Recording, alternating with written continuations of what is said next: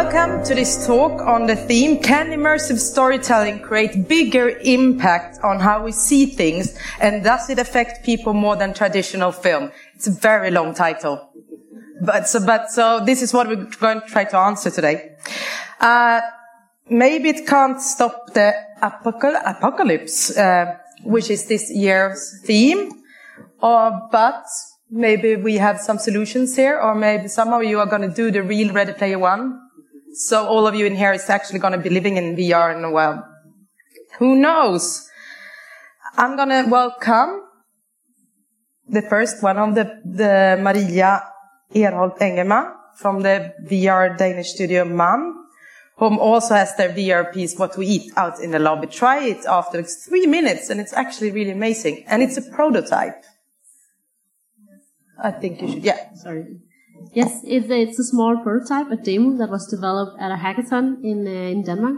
The Danish Organization of Organic uh, and Non-Ecological I can't say that, sorry, uh, asked what can we do with these new immersive medias like VR and AR in this uh, theme. They have this theme with uh, ecological, I can't say that, Ecolo- ecological. It's okay. okay We're Danish. It's okay.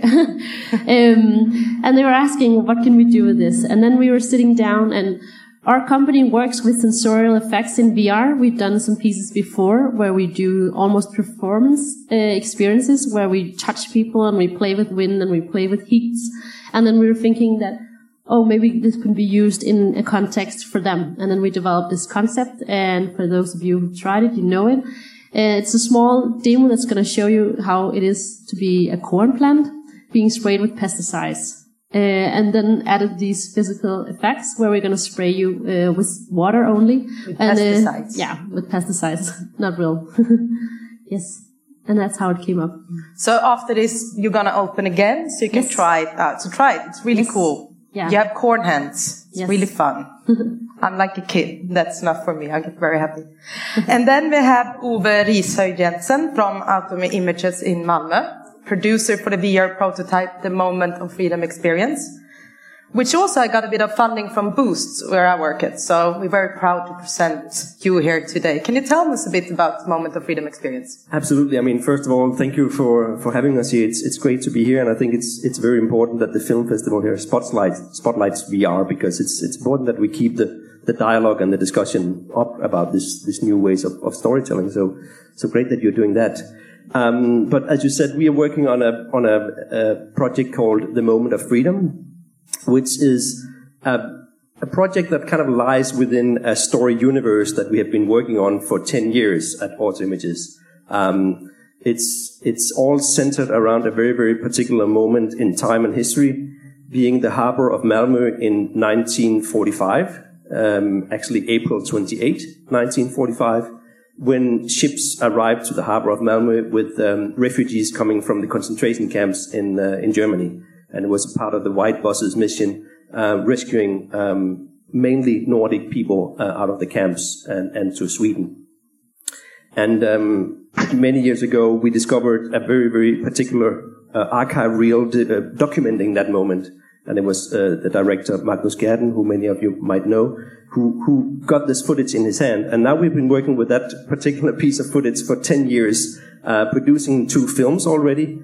And I can actually say making a third film now, Oh. also on that particular moment in time, but also making this VR piece um, that that um, discovers the very very personal stories that lies within this very very particular moment in time and place. Uh, people telling the stories of what was it to all of a sudden experience a moment of freedom. What was it to be free again? Because of course people felt extremely happy that they were liberated from the camps in Germany. But of course, it was also a moment of confusion because all of a sudden they were in Sweden and they had no idea actually what was going to happen to them. So it's it's a very very particular uh, emotional moment for the people who then share this in, in VR. So we, we wanted to take up the challenge of, of not only continuing telling these stories on film, but also in, in VR and in, in uh, immersive media, because we, we wanted to achieve a couple of things with it.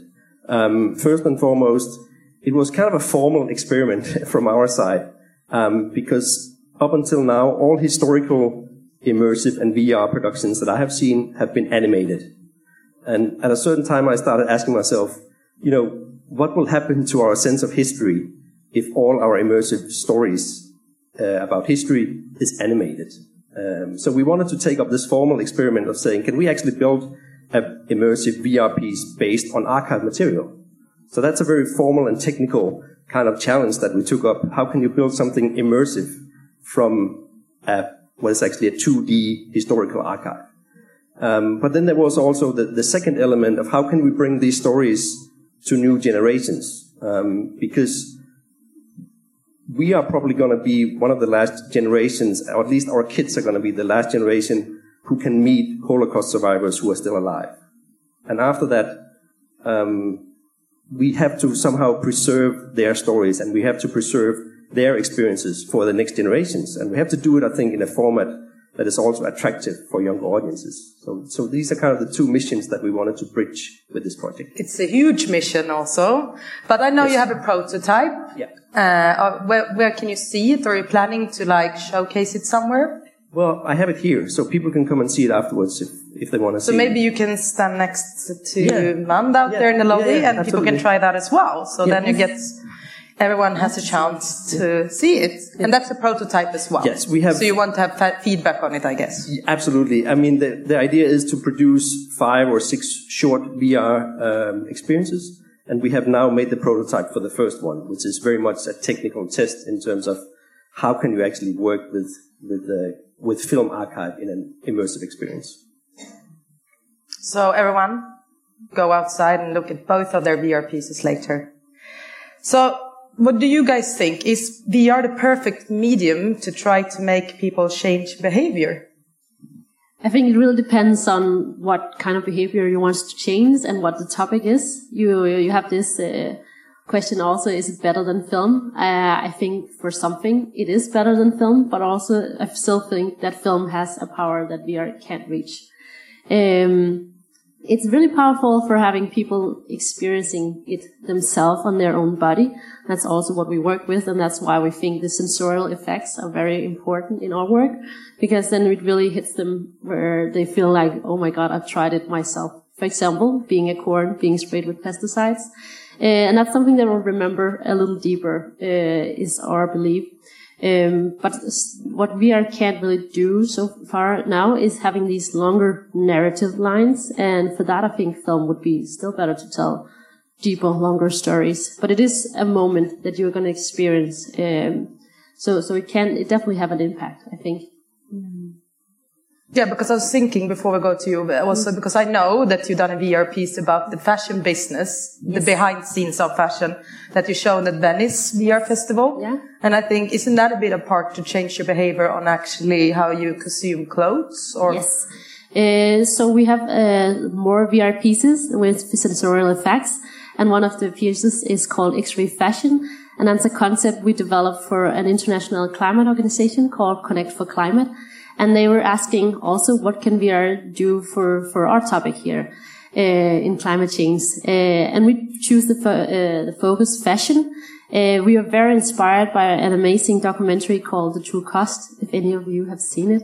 It's on Netflix. It's really cool. Uh, and it's about how we overconsume clothes and how women are always buying new things and, oh, I just need this little dress for tonight. Um, and then it's about these really cheap clothes, uh, and how big brands are really selling it way too cheap, considered that somebody has to be paid and workers, it has to be shipped, and how can this be sustainable? Uh, but we were very inspired by this documentary and saw that it would be so cool to make people not only see a documentary, but also make them feel these different environments in the fashion production uh, of clothes. So you're going to see some catwalk shows where models are coming towards you, and you're going to then you're going to travel to India and see uh, Indian sweatshop, and you're going to see some drains uh, where the colors are closed, uh, colored. And then uh, you're going to go back to a, uh, a, mall in New York and seeing around, seeing people in time lapse walking, how many people are actually consuming every day.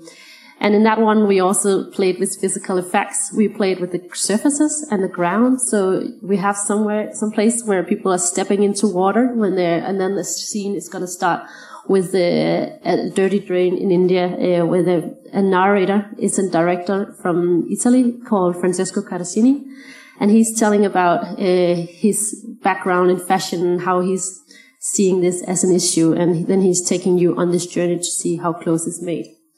But that must be created to try to change some behavior. Yeah, uh, it's the same standpoint that we really think that and hope hope that people will take it more to heart the story and this topic when they've been there and seen it themselves. Uh, it is it is more powerful if you tried it yourself, and that's why people call VR an empathy machine as well, because it definitely has something valuable and something strong when you can be there and everything is around you. Uh, so yeah, the hope for this one X-ray fashion is that it can change people's mindset, but not only for consumers, also for people working in the industry. At the moment, the X-ray fashion, it is an installation. It's in Seattle and it is going to Las Vegas uh, to be shown at a fashion conference called Magic. Uh, so we are taking it out to fashion conferences around the world at the moment to hopefully change also the designers and the workers, the people working in the fashion industry. Is it popular for the designers to go and try it? I'm a little nervous about that. I, I, I think it's exciting. Um, I haven't personally been on those trips, so I haven't really seen what the fe- feedback is, but we took it to a fashion conference uh, just before Christmas called Remote uh, in San Francisco, I think, as well. And but I know the feedback was good, um, but I'm not quite sure exactly what the, if they're going to stop working with fashion No. or do slow fashion. That'd maybe. be yeah, exactly. That would be great to have some feedback at some Yeah. point. But have you considered any behavioral like changes when you've been prototyping moments of freedom? Yes, but in a different way. I mean, I guess our behavioral change is more towards the people we want to work with because we are we're setting up our um, VR production in a in a bigger frame. So it's actually meant as a part of a museum installation. So we are trying to change behavior within museums in the sense that, that So not to be the piece, but it actually yeah, physically space on a museum? Yeah, yeah, and also how do you preserve stories and how do you exhibit personal stories from from our history? So that's a little bit what, what we are trying to work with, um, and and and we have a goal with that. I mean, really trying to change um, the the notion of how can you meet witnesses from our from our history and how can you make them um, tell stories to you from from the past. Because you were talking a bit about the empathy machine there, so I think we're going to stay there because everyone, I'm not sure, but kind of often when you talk about VR, it always comes up, this is the big, great empathy machine. So I was like, what do you think of it? Because you're doing something that actually is very relevant today about like how we're going to have our future, talking about what happened in the past with the refugees that came to Sweden and not to repeat that again. So yeah. Well, I'm, I'm a little tired of this overemphasis on, on empathy because I think all media is an empathy, empathy machine. It's just about using each media for the right way, right? I mean, if, if you see a good film, it's an empathy machine. I mean, I'm currently reading a really good book that is a great empathy machine. So I, I think it's a, it's a little bit, there's a bit of a hype around VR that, that hopefully is, is soon a little bit over so we can focus more on, on what I think really matters. Like how can, how can we use it to tell good stories and, and what is really the essence of what we do with the medium? Because at the end of the day, that's, that's going to be the thing that makes VR work. And, and I think we are getting to a point where the whole technical hype is a little bit over. And I think that's great because there's been a bigger, bigger focus on stories and really making it work and making an impression. And I think that's, that's great. And I think your piece is a good example of that, that really using it uh, to create a multi-sensory experience that, that you remember and that has a great impact on you. do you, because you talked, you were in a bit about the empathy Yeah. part earlier, so. I, I just changed my perspective, as you Okay. said, because I think you agree. It's really beautiful said. Uh, but yeah, empathy. Um, we have in this fashion experience, uh, we have a worker that's uh, working at a sweatshop, and you're meeting her, and then she's telling you the story and telling about her personal life and how she's uh, living her day uh, working as a as a sweatshop uh, factor uh, worker, uh, and that is a meeting that where you can meet someone and hopefully have some form of empathy. Yeah. Uh, and in this one as well, you are getting to feel and you're going to smell uh, the, the corn plants experience of being sprayed with pesticides. Uh, and maybe that's a, you can create some kind of empathy as well for that uh, if For you don't corn. like that. For the corn, yeah, because it's not nice to be sprayed with pesticides. No, it's not. Uh, no. um, so I think there's some to it, but I No. really agree with you that that it that it's, every medium has its own level of empathy and it can be used. It's how you use it. Yes. So I'm going to talk about the opposite side then. Can I see any danger in using VR, like manipulation and simulation that will cause people harm? you have not thought about this, no? No, but I think that goes again with all media. I mean, any type of media can be manipulative. I mean, and, and so so I don't think I don't think the the media is is is different or, or VR is different from other types of media. I mean, it's it's of course the basic functionality is different because you, you have a more intimate experience with it. Um, but the the sensual and the emotional effects are basic basic human um, reactions, right? And and I think that's what we need to optimize and look at because at the end of the day, it's it's always the emotional experience that matters, regardless of reading a book or seeing a film. So I think VR is different because this time there isn't really uh, a screen that separates you. Uh, and in that sense, it's experiences that is uh, around you and you are very much involved in these experiences. So I think you have some kind of responsibility. So far for now, uh, we work with these sensorial effects in our experiences. And we have another one called Separate Silences that is a fiction story about people being in coma. And here we place people physically lying down in a bed. And then we, we give them some VR goggles. And then we've been filming a fiction story, uh, from a POV in a hospital setting. And here it's almost a performance as well. We're playing with these physical effects. We go over and as the nurse is coming down to you, looking you in the eyes, shaking you and taking your hands, we are doing the same thing in the real world. So they really feel like, oh my God, I'm in here. That can be very scary. Exactly. And we did a lot of uh, research as well before we started this experience where we just tried to have normal setting, nothing hospitalized, where it was just me lying down. We've been filming something. And we have one scene where the nurse comes over with a needle and then giving you an injection. And there we figured out that that was too much for people. Uh, if they got to see People the- are like thinking Yeah, gonna, exactly. no, someone's gonna. if they Yeah. got to see the needle because uh, when and we tried it afterwards with just quickly and we removed the needle it was just some kind of they could see there was coming something but they didn't really have the time to see that the needle is in your face and now it's going to sting you Uh, and then it was okay but we had some strong reactions in the start as well I can imagine. But I mean, there's also the reverse story. I mean, talk mm. about being manipulative. There was a Danish company that did some really great VR pieces that was intended to be used for kids in hospitals. Because sometimes it can be difficult, of course, to, to treat kids in mm. hospitals. They're afraid of needles, you know. Mm. And they put on they put on uh, mm-hmm. VR goggles on, on kids when they were like having blood tests. Yeah. And uh, they made like really, really. They were, it was really clever because they made like really basic shooting games that the kids would focus on.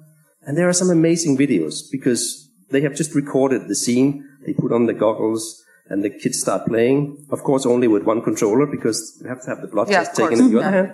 So everything was very clever. And you see everything happening. You see the doctor taking the blood test and the kid is just playing the VR. So it's all in your mind then. You don't And- even feel the needle. And then uh, all of a sudden, the kid is asking, "When is the blood test coming?" And it's long, long time since the doctor did it. But just because you take away the focus, that you know you can do you can do the blood test on the kid without feeling any harm. So in that sense, of course, it's mani- uh, Very manipulating, manipulative, I but, would say. but in Yeah. a good sense, of course. But then someone is taking your arm and you're not noticing, and no, not not sure it's going to go that far. But I think a lot of grown-ups would like to have that. Google someone there that's taking blood tests as well. I have a, a last comment on this one, Yeah. I think. Uh, last year I was a seminar at the Danish Film Institute where I met a futurist from Paramount Picture and he has a, he had a very interesting point of view on this matter here hmm. because he, because I was asking the same questions that you are asking us now. Do we need to be concerned? Do we have responsibilities as creators? What is the chances of harming the audiences?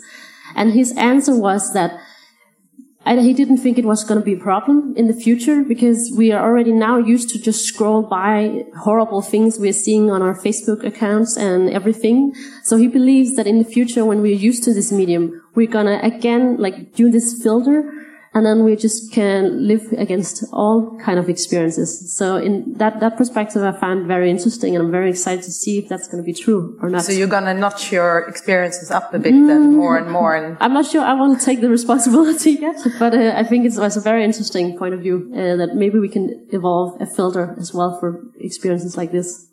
But I would like to stay in this area still and talk about your audience, because obviously you both have audience. I know you, you tried your VRPs on people as well. So what kind of feedback do you get on your experiences? You, you told about the needle and... Yeah. Well, we have very realistic um, feedback. Uh, I think it's very much about trust and expectations for the audiences. Uh, when we, for example, the one with the needle, uh, we have two physical hospital beds that we place people in. We are very open about our experiences as well. We don't hide them away necessarily, so people can come and they can see what they're really getting into. Uh, so you're creating a safe space. Yes, or... some kind. And then we always tell them, yeah, it's just us and there's nothing dangerous here. Uh, and hopefully you will enjoy. You can always say no if you don't want to. But we have some really cool uh, feedback sessions where people are tricking them, brains are tricking them, for example, with the needle.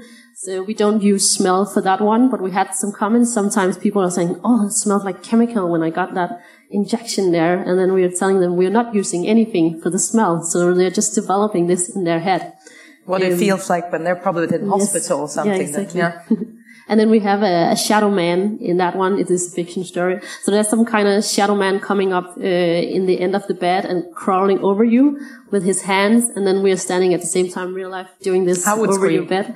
Exactly. And we have some people who are also really terrified and they grab uh, the quilt uh, they have, and then they just wrap it over them, and then they forget it's not they're not really escaping because they still have the VR goggles on and that's always fun to see. And then they oh, take it off again. Um, yeah, some really good feedback. Because you can get really scared when yes. you watch VR. I'm not sure if you're an audience. I don't do the scary things because I get horribly scared. I don't look at scary movies, so why would I do it in VR? And I don't want to feel the jumps because mm. even though I know I can take the goggles off, I still kind of think it's horrible when it comes up to your face this mm. close. Yeah. I don't like that, but maybe people who really like horror, it's a very great experience in VR. But for you, because you were having the documentary and are yeah. people getting like some reaction? Physical maybe? No, absolutely. I mean, we, we sit people down in a chair and we put the, the, the VR goggles on and, and people really sit down and experience and take the time to see it. And, and uh, our aim is that when the, when the piece is over, people should have the feeling of having met a survivor, you know, someone from the past telling them a story and and that's that's in general also the the feedback that we get. So in that in that sense, I mean, we're getting the feedback that we were hoping for.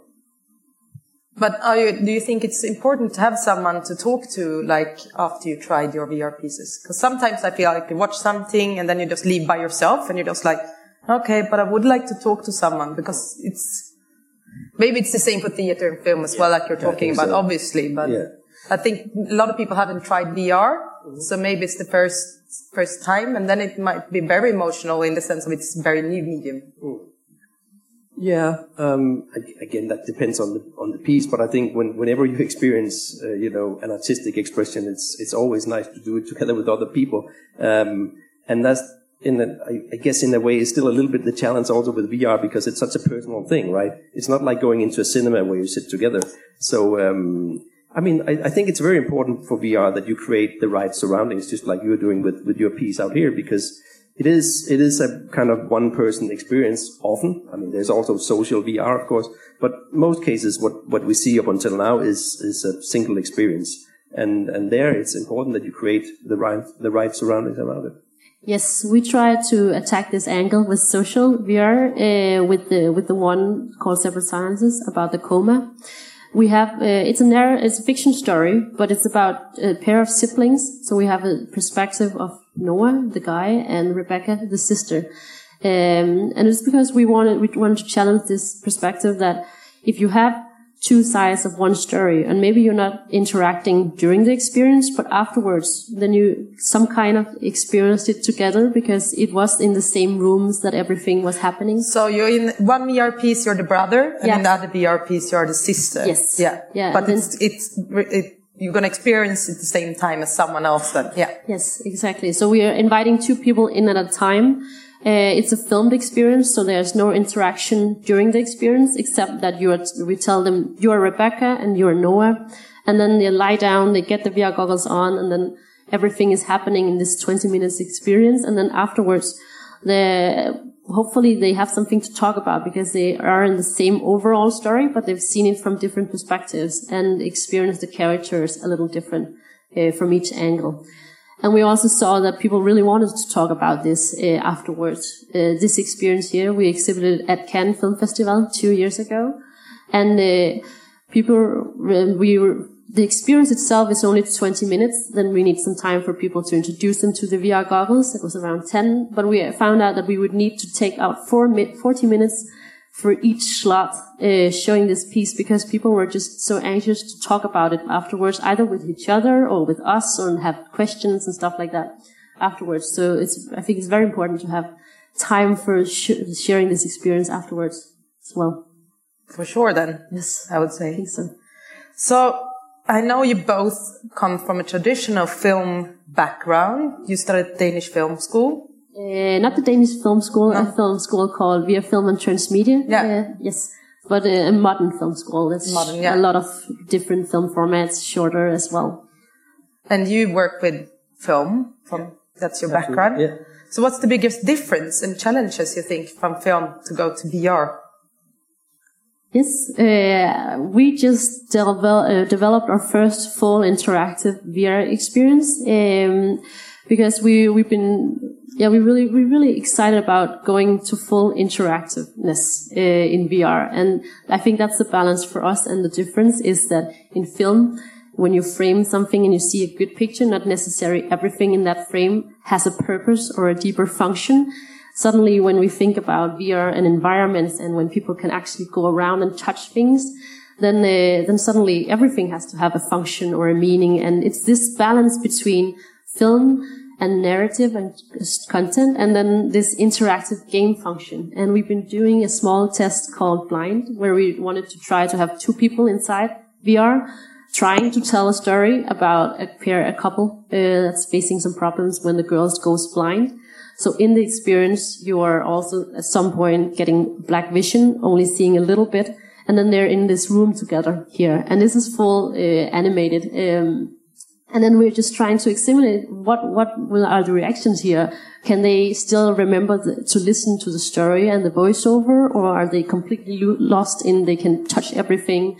So this balance here, I think, is very interesting to see. Can we do these kind of longer narratives uh, without losing people? And can, who are they when they are in these experiences? Are them, are they themselves personally, or are they? Can they live in another character? So I think that's the difference: the interactive part versus the storytelling part. So you mean like when it's like flat on the screen, it's easier to just kind yes. of. Uh, yeah. But now you have to think about the experiencers. Well. Yes, exactly. Yeah, uh, yeah. I think we, because we have this overall story, our director wrote this story about a couple that facing these problem. The characters are Sa- Sarah and Milo. That is one part of the story. But when they come in and they start talking with each other, then suddenly it's becoming them and what is happening here in this merge. I think is very interesting and very different from normal film for me. what do you say? Because you. Well, I, I'm gonna talk mostly from a production point of view yeah. because we work in a team where I don't, I'm not involved so much in the creative development and the storytelling. That, that's what other people are doing, but I'm mostly taking care of the production aspect. And I think the, the, the biggest challenge with, with the production side is that, you know, coming from, from film and, and TV, uh, there are existing structures and there are ex- existing ways, not only for funding, but, but also for distribution. and, and that is still the big challenge with VR, that, that you kind of have to not only invent the whole creative project, you also have to invent the whole funding and financing from scratch. And, and that's, that's at the moment what takes us a lot of time because we're talking to so many different partners. And I've heard a lot of, wow, that looks really interesting and nothing more. And, and that's, I think that's really the challenge. And I think the challenge is that behind funding is always an expectation for distribution. And since we're still struggling a lot with how do we distribute VR? How do we get people in, in greater scales to, to see it? We're also struggling with the funding um, because you know, it's it's behind a lot of public funding. There are politicians, and politicians like big numbers, and funders know that. So of course, if if you give money to something, at the end of the day, you also want people to see it, and you want some kind of distribution impact that's natural. And and we are not there yet with with VR, and I think that's that's the big challenge. So so we need to to figure out, you know, how can we work with this in a more structured way. But you, because you've done a few projects now, mm. so how are you how are you guys working with the fundings and what's your business model? Maybe you don't want to, maybe you can tell a little bit about it. Uh, I think we've been very lucky, actually. Uh, we did the first one with Separate Silences as our final bachelor project. So that was uh, obviously a school project. So we, that was just developed during the last final weeks of school. And then uh, when we started our business, we are kind, we're kind of, we are company man and we have two parts. We have this dream visions about VR experiences that are half theater and half games and half film with physical effects. Big visions and dreams. Uh, and then, but we also got a lift. So we have a side that's doing more commercialized projects, uh, like 360 videos there has uh, already now there is some kind of ask and uh, need for 360 videos. A lot of people are asking for that, and there through there we can kind of. So that's how you finance financing yes. other projects. That yes, that is just living. I think in my company, but also for the bigger projects, there we really go to these uh, art uh, fundings. Uh, I think that's similar to to everybody here in Sweden as well. Uh, there is funding for it through art institutions and through the film institutions, they are opening more up. Uh, but with the fashion project, we were very lucky to, to win this contest. And it was the climate organization, a huge international climate organization, who were really interested in this project. And then they financed it. And they, now they are financing that we can travel around the world showing this piece as well. So then from that, we are very independent as well um, for the X-ray fashion installation. But how do you find those co uh, collaborations? Do you go to them with an idea or do they come to you? I mean, that's always a question, I think, because in the festivals, we know we can, we have the forums, you can go, you can pitch your idea, but how do you guys do that? unfortunately, unfortunately, there are very few effective forums where you can pitch VR projects. So it's a lot of research. It's a lot of individual meetings. It's a lot of talks uh, with people who potentially maybe can work with you. Um, and, and, in that sense, you're kind of starting from scratch, uh, more or less, uh, every time. That's at least my experience. Uh, and then, as, as, you say, a lot of the funding come from other sources than you maybe have worked with in a traditional film and, and TV setting. Much more art funding, much more art, art councils and, and art foundations. Absolutely. Yeah, I would love for the different uh, industries to work better together because that's something I've noticed. We are always out uh, doing different and a little art and a little film, maybe a little theater. Uh, but personally, I believe that VR can be something else. It's not here to like take over from film. Film is still beautiful. Film can do what it can do. But VR could be something for itself, and maybe, hopefully, the industry leaders in the in the funding wise uh, could work together, like talk with the film industry should talk more with the game industry and the game industry should talk more with the theater industry just coming together maybe developing this new focus and this new uh, yeah focus on on VR and some and accepting it for something else mm. I think but but I think the challenge is also that it could exist in itself and yeah. it means that it doesn't belong to anyone. Yes, that's true. that's that's a little bit the challenge, at least yeah, that I, I see so. it at the moment. Yeah, because I see that the film industry is kind of lifting VR at the moment. I see personally, I, I see art is sometimes doing some, but it's not their focus. But I, am really impressed and thank you so much for the film industry for taking care of this new medium. But I don't think the film industry should do it alone. I think that, that people could should contribute to to develop its own yeah format. I actually saw a hand, so Gorky. Film as a cultural or artistic expression, but uh, tech. Uh, the tech industry or the uh, innovative industry that they could put some money in it or or even finance. I don't know, but vision, yeah, thinking about the future vision, maybe the yeah, film is not the right um, platform. Yeah. Sounds like you have a proposal over there. Yeah, a little bit. Yeah, I've been thinking about it a while, and yeah, just checking out because this is the right forum, I believe, and the film. Uh, uh, is there any film consultant here? uh, sorry, consultant. What's the name in English? Commissioner. You see, that's that's what I mean. It's like maybe. That's one one hand over there, yeah? back. Yeah, I think it's yeah. Lisa. From, from which country? Oh it's yeah, Lisa from yeah, Film The, the regional yeah. ones. Yeah, I know the regional ones are here. Yeah, because we are in, in, in contact with them. But but uh, nationally in Sweden, we actually don't don't have that interest. Though there is a community building up, and maybe it's time for the community to take the the step. I I don't know. I'm just I want to hear you. I'm not sorry for taking over. I think it's, I think uh, right now, uh, even though I just said it, I think it's sad that film is doing it alone. I also think that VR is still new, so it's kind of needs something to lean on a little bit. Uh, and right now I see that places you can go to see these kind of beautiful experiences, installations are film festivals at the moment. And I think it's a challenge for VR that it's so much more than just narrative stories. People are working in VR in all kind of different areas in healthcare. And so, so there is VR uh, exhibitions and VR conferences only focusing on XR, VR and AR experiences. But they also have a lot of other things like technology and they have uh, healthcare systems and demos on other things. So it will depend on what you want to go and see uh, in VR. Uh, I would love to see a festival that's only focusing on storytelling parts. Uh, I think right now the best places are still film festival. The Venedig, Venedig Film Festival is focusing uh, on VR storytelling experiences. They have divided a, whole island with only VR experiences. And but I think a lot of festivals are mm. doing it more yeah. as well. Yeah, like doing Sheffield Film exactly. Festival also has like a big part when they when they have VR and or, or X X yeah R. Maybe you should tell yeah, more like that. Yeah, XR. And yeah, and I know some guys, a, a company called Makropol in Denmark is working on funding the first uh, in Scandinavia uh, XR theater uh, cinema. Uh, so I'm very excited to see how that's developing. And I know there's called something called Phi Center in Canada, uh, in Montreal, who's focusing also on opening a house only divided to VR experiences like what we are working with here. And, and they are also fighting for, for finding ways of financing, getting experiences to their place and then trying to get this model here working with people coming in only to see these kind of experiences. So the business model is under construction. Yes, kind of, I think. But I think you have one proposal there, so maybe you can talk to each other later then. But also now we have a question. Yeah. yeah. Hello. Um, I have a question about the future of storytelling within VR.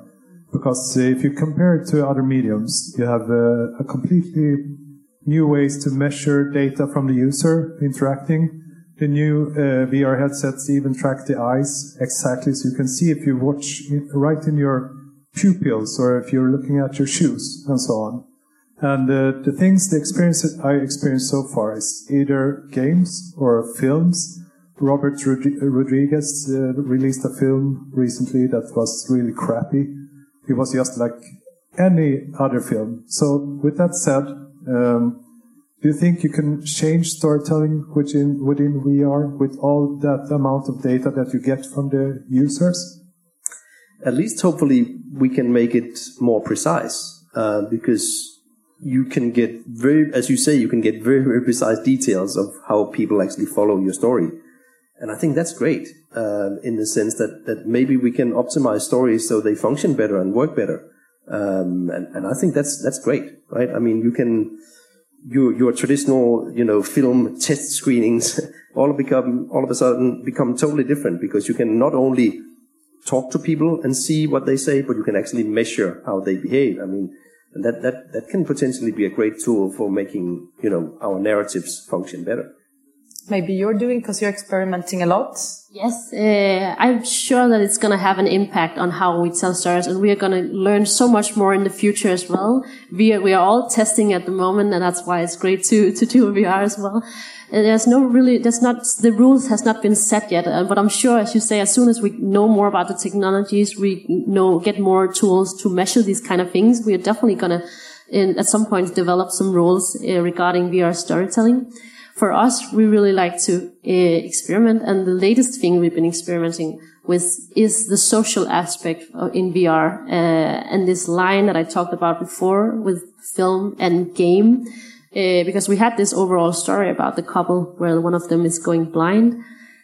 Can we have them go into these characters? Do they want to be these characters? Are them the, are they themselves in this experience? What is the balance here? And that's just something we briefly have been looking into. I know that VR, social VR is, uh, is I think that's where it's going to go. The next step of future storytelling in VR because we need to experience this together. And already now there is shooter games, uh, social in VR, and we have. And with social, you mean it's a lot of people Yeah, that yeah. experience it together. So yeah. Yes, sorry. No. Yes, it's for, for people to share these experiences here. Uh, as mentioned, a lot of VR experiences are very solo. It's very lonely. Uh, but it would be beautiful to share these kind of experiences. But how are we going to share them? Are we going to be able to play characters? Are we going to be able to play a full narrative? And what is needed for us to be able to go into that role and be, okay, I'm going to play this character, even though it's not myself normally. So I think we can get a lot of theory from other uh, already known uh, topics like role play and escape rooms and stuff like that. Because we were talking a little bit before in there, like it's, we both like, oh, I like those experiences when you actually have this, some tactile thing going on Yes. and Yeah. that's, it's super fun. And if you go to a room and it feels like it actually is an experience outside and inside. Yeah. Uh, and I mean, obviously you're not going to have that at home. No. In, in case you're not the crazy person in a good way and you create this cool VR room in, in in your living room. Yeah. So, but then you cannot have so many people No. and I think that's, I mean, social VR, oh, Yes. it sounds great, but how is it going to be possible? Kind of. It's a really good question, uh, and I think that uh, we we really believe that it, for us, we believe that VR can be its own format, and it's going to be something new. It's going to be a mix of film and games and theater, and we believe that it should be something that people could come to, like some kind of new arcade. We are very inspired by a big VR company called The Void in Utah, and they're doing these kind of uh, almost theme parkly like VR experiences, and they are really developing and expanding all over the world. Uh, so we believe that that could be a format in the future, but it's all guessing, of course. And and there are some cool uh, multi-user VR experiences out there already. I mean, it's just about checking them out. I mean, I have tried some where you are four or five at the same time. I've also tried experiences where you're kind of sitting in a cinema and you have that kind of multi-user experience, having the same VR experience at the same. I mean, there are some cool things. Makropol and and Bombina Bombast, they did some really cool things. We were in terms of supposed to have another person on stage, but unfortunately she fell ill and she was from Bombina Bombast. And they do these VR performances and they're very cool. They're very cool. So they work more with like a theater kind of engaging in like a theatrical way. And I think that's a cool way as well. I know I have a question. Yeah, it's a pretty quick question, but uh, I was just wondering if your uh, process has changed at all with VR. Are you going further upstream in terms of your ideation process or even your prototyping or storyboarding? Is that happening in a traditional way or are you moving that towards VR? Well, we we started out with some some very very um, very basic things that we just technically had to test in terms of building an immersive experience from from film archive. So our very first steps was just technical. I mean, is this even possible to build something that feels immersive uh, when you have old-fashioned, you know, 35 millimeter archive actually or 16 millimeter archive?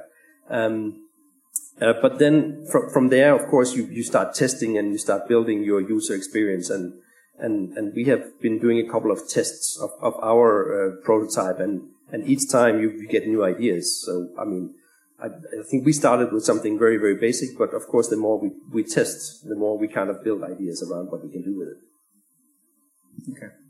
Yes, and that's the same for us as well. We do we do a lot of cooperations, everybody involved in the project, and yeah, as you mentioned as well, the technical part plays a huge part in VR projects as well. Testing is good.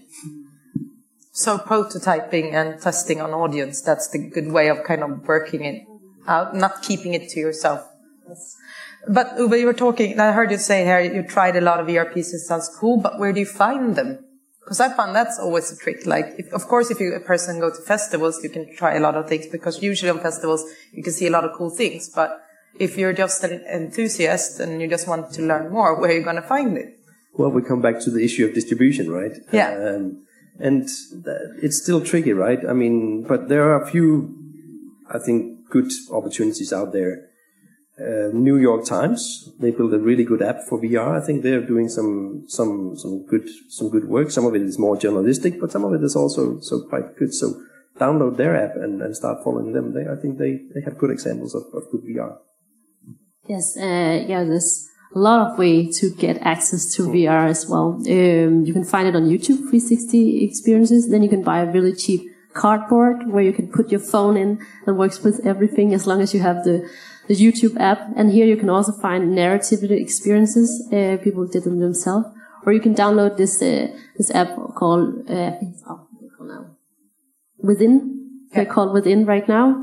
Uh, and they have really a lot of uh, narrative experiences. Uh, it's like the New York Times, but they're more focusing on storytelling in 360. And that's like an app you can download on yes. your phone. And then it will, when you can choose between a lot of different experiences, and then you know, when you select one, it asks you, do you have this cardboard? And then you said, yes, if you do. And if you don't have it, you can also just see it as a 360, as a 360 film where you can look around like this, holding it. So it's pretty straightforward try. Yes, that's, that's, I think that's the easy way. And if you want to do more advanced VR experiences, there are kind of VR arcades popping up around uh, in the cities. We have something in Copenhagen, uh, but I'm also sure that you have it somewhere around in Sweden as well. And then if you want to do these artistic, crazy experiences, prototypes, then I think still that film festivals or art festivals are the place to go to see that. So I have a question, Sarah. Uh, yeah, I have a question about sound. And um, when I used to make uh, low-budget movies, uh, we really thought a lot about the sound and did a lot of spent a lot of time on sound design because it was so cheap and so effective, really powerful storytelling. And I know that VR as a new medium is seen as a very visual, and we tend to talk about the visual and the sensory to some extent. But for me, sound is a huge storytelling tool and um, also a very emotional tool, more so than visuals in a way. And so I'm wondering, I've seen some pieces that you sound a little bit, but I still feel there's a long way to go. So I'm wondering what your ideas are about really not just thinking visually when you're thinking about the story, but really thinking about sound in the medium from a very early idea stage. Absolutely. I think, uh, as, as you say, in, in traditional films, sound makes up much bigger part of the narrative that we often realize. And I think it's, it's completely the same in, in, in VR. Um, I mean, there's, there's this piece that has been praised all over, Notes on Blindness, and, and everybody is praising it for, for the visuality. But actually, if you, if you listen to it, a lot of that narrative is in the sound, not only because of the voiceover, but in the whole sound design. There's a lot of the narrative in there. And I think that's a great example of, you know, really working very well with the sound design. And that creates such a big part of the atmosphere and, and the emotional narrative. But Notes on Blindness is also cheeky because it's kind of good that they use this kind of uh, player. It sounds like this 80s when you, you play your, you know, when you put the tape recorder. Yeah, that's what it's called. And I think it's a very clever way of actually also making a feeling into it. Because you can really hear it's a tape recorder. And, and a great sound design. Yeah, it is. Yeah, it really is. Yes. Um, I yeah, I think I'm still having this film background, and I think the soundtrack is so important for like giving this experience a theme and something you can relate to. Uh, with the separate silence piece, we have uh, its unique original soundtrack, and uh, we are kind of using it like a film in the end. Like at some point in the end, when the spoiler, the brother dies, and then she's lying alone in the bed and looking over, and then the doctor, that is their father, is sitting by the bed and holding your hand, and we're holding you physically in real life. Then we are playing some silence background sound, and then suddenly you're floating into uh, up in the air in the end. Uh, and we see a lot of emotional people coming out of this experience that's coming out crying and very affected by it, both because they everything they had the physical effects, but I hope that I'm sure that the sound is also so important in that. Um, what I experienced new with sound is this because I'm diving into this balance with film and games is that you have to kind of change your mindset in it. We tried to do some voiceover uh, but what we discovered is as soon as it's interactive, people are either paying attention to the voiceover or uh, what they can do in this environment. So we were, that's something new that we have to explore more. I think to, can we have them listen to that, uh, contra what they're, know what they're doing at the moment. Um, and also uh, everything suddenly have to have a sound. That's also something a little new for me, coming from a film background as well. But sound has a huge uh, impact on how we experience, and I'm sure it really is a strong tool as well. Still. But do you work VR. with 360 sound as well, so it actually, yes. when you turn your head, you yeah you can hear it from the yeah that's yeah, and it should be like that because By then it's more natural. Uh, yeah, But how are you guys working with sound? Well, we we we work almost with a kind of double sound design for our piece. At least that's the intention because we are going to set up our VR pieces in in a museum setting. That's that's kind of the, the, the bigger setting for it. So we're going to work with a sound design that that facilitates the feeling of a harbor when you come into the room, and we're going to work with like big predictions of, of, of, of images from the harbor. So you're going to have the, the sound and the feeling of walking around inside an harbor when you come into the room. And then, of course, there is the, the sound design inside the VR piece that's going to be very focused on the person telling the story. But the idea is that you're still going to have a spillover of the sound design from the room uh, that that never leaves you the feeling of being in the harbor. Um, so you go into the personal story and you have the sound design in that and still have the, the resemblance of the harbor. And you take off the, the VR goggles and then you're back in the harbor. So that's kind of how we, we work this out. So you kind of start with experience from outside to in to out again. I think that's a really nice way of working. And with the museum as well, are there, have you like reached out to a museum and how, what, what are, what's the response? Well, we, we're talking to museums, but I think the, the, the challenge with museums is, is that, that a lot of them have limited resources. I mean, they are just like everybody else in the creative world. So it, it takes a lot of conversations, but uh, we're getting there. We're getting there. And you guys, have you been working with any museums? Um, no, not museums actually. Uh, a lot of conferences and a lot of festivals, uh, and also especially the one with Coma. Uh, fun, funnily, funny enough, uh, reminds about uh, the healthcare system. So we are also invited to do some showing at hospitals or education institutes uh, for nurses and stuff like that. Um, but not museums actually, yeah, even though I know it's a good uh, place to be. So no. If they pay you or exactly. you get in there. Yeah. I see we have another question. Yeah, I wonder if you care of uh, sharing your workflow and uh, how you solve like not the artistic thing, but mostly the technical workflow bottlenecks and problems, how you solve them. Do you have people enough or to, to contact or do you have to go abroad? Uh, technically, um, we, we, we've been working a lot with 360 films and like filming a lot. That's our first projects. And there, I think we've been working with it myself for the last few years. I know the workflow of that. Uh, so, and then also through network, I think still that network is a great opportunity. And, and YouTube, always YouTube. it's worked so well, uh, and it's going so fast. I remember the first time we did a 360 film, I think it was four years ago. Then there was nothing on YouTube and we were trying to do this 360 film about Alice in Wonderland. So we were out in the wood and have some weird GoPro wannabe looking cameras pointing different ways. And we just didn't understand how to put it together and we couldn't find any help anywhere online. But right now, if you just look up 360 videos, there's a ton of tutorials and people are willing to help. And then else we're working with programmers because there is uh, education that works with uh, programming for VR and animating, animating. Uh, so it's slowly coming, and then we were going to ask them, and they have someone in their network. And we have been meeting a lot of people and companies from around the world, also working with VR. So we can also ask them sometimes, but it is a lot of asking. I think it's still new ground. I mean, up until now, we have we have been working on on very small with very small team. That's all in in in Malmö, but we are now expanding the team because we we want to work also with other partners.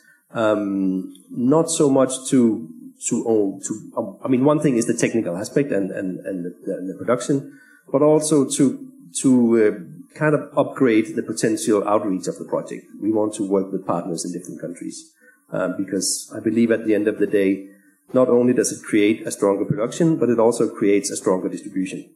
So that's why we're getting partners on board uh, in other countries. Do we have any more questions?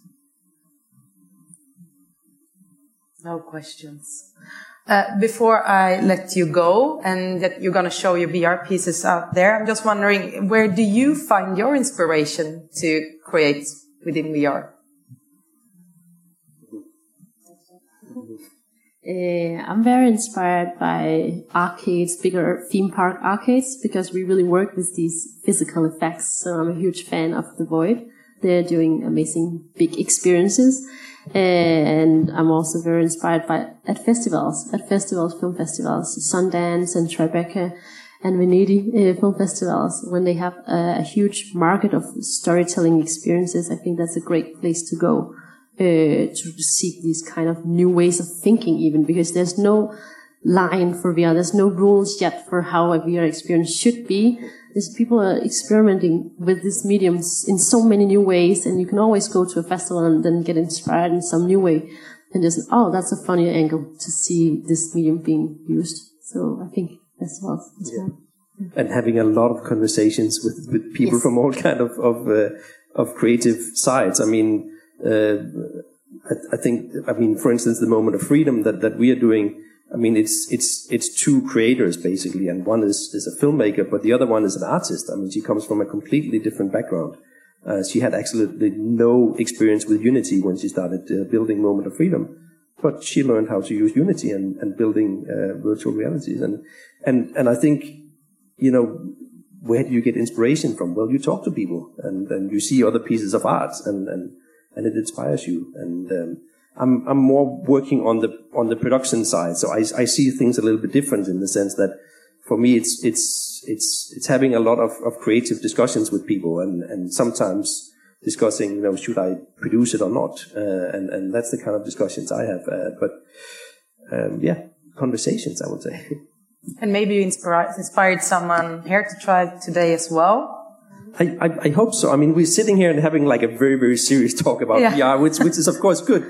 But I think, I mean, I think the, the, the, essence is that, that we should all just be more playful and we should try and, and, and we should all fail a lot. I think it's important that we all fail many times because we're just beginning. And you know, it took a lot of years to develop the, the language of film.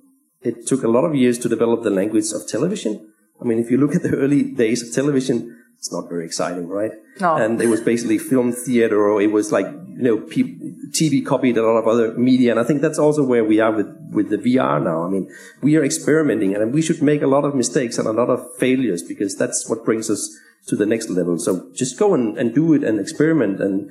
And I think that, I mean, the moment of freedom that we are creating is, is, is, is a, is a, is a good reference point because the, the, the artistic creator of it, she, as I said, she had no idea how to work with Unity, but she, she learned it. And I mean, just go ahead and, and try it and experiment. Prototype. And yeah, and experiment with it. And of course, get people to help you because there are a lot of people out there who have great technical expertise. Work with them because it's all about co-creation and collaboration. Yeah, I think if you're interested in, in starting out with this, I would recommend find a very cheap 360 camera because they are out there not for much money then started. I think you have knowledge for film. It's some kind of the same and you can get help from the internet, from YouTube with all these tutorials and then start going into Unity smallly. Just search 360 video in Unity and then you will get some help from there. And then it's just starting experimenting. What is close? What is not close? How is it working with, with these cameras? So that's, I think that's a good way to start. Let's see, one more question. Two questions. See, now it's now it's, it's rolling. It's not a question really. It's, I would like to, to invite everyone that we, uh, I'm in charge of Narrative VR Lab here working at Lindholmen. So if anyone wants to develop their skills within narrative VR and, and Martin is sitting here and, and we have not, it's not a, a lot of uh, equipment, but we have some. So if you don't have and want to test, please, uh, uh yeah, ask us. Yeah, go. So they can contact you and try to experiment. Cool. And I'm also going to say something. Uh, if you have a partner or you live in Skåne, I work at Boost and have a prototype. Um, you can apply for to try prototype, which is a new, you say, fund, you can say, that we just released two weeks ago. So go and check it out on Boost HBG's webpage. Uh, moment of freedom was kind of in that we had another fund before, but you got money from it and you have a Yeah. prototype We and we love it. yeah. That's how we want people to work, to try it on their audience and to see if it works. I think that's Yeah. a great way of exploring new formats together. Yeah, I mean, we have been fortunate enough to, to work with you and also to work with Lisa at Film i Skåne who gave us uh, money to develop this uh, prototype. So that's, that's, that's really great. But you had one more question, yeah.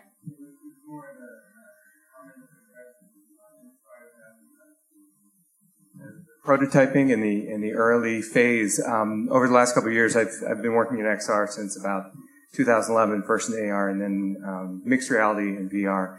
But uh, there's there's some content creation tools that have just started to be crafted over the past couple of years. Oculus started with Oculus Studio. Goro Fujita, who's just an amazing artist, I've met him a couple times at kind of sketchbook conferences because that's how I started in illustration. But Quill, which is what Oculus makes, and also Google Blocks, there are these content creation tools that you can just get started right away and plan your space in VR. Actually figure out how away, how far away things are. Like Google Blocks is really good for that because you can set up a scene and just walk through the scene, share that with someone else. And these kind of tools haven't existed in kind of the history of, of whether it's filmmaking or, you know, building training, that sort of thing. So I just think it's a really exciting time and, and I would say check out some of those tools. No, I, I think that's important to have in mind that things are developing all the time and there are new great tools coming out and, and we are sitting here pretending that we know something about VR, but I think the essence is that, that there are really very, very few experts out there because it's changing all the time. And I, my sense is that there's a great feeling of community also. So don't be afraid of any technical challenges because as you said, people are helping each other and it's, it's, it's, there's a great spirit in terms of helping each other out. So don't be afraid of the, of, of the technical matters. And, and as you say, there are so many great tools coming up. And I'm going to stop there because people are moving anyway. And I'm, uh, I, I tell everyone to go out now and to try months. and also Uwe, you have Moment of Freedom with you. So go now and try the VR and thank you everyone for coming. Have a nice afternoon. Thank you. Thanks.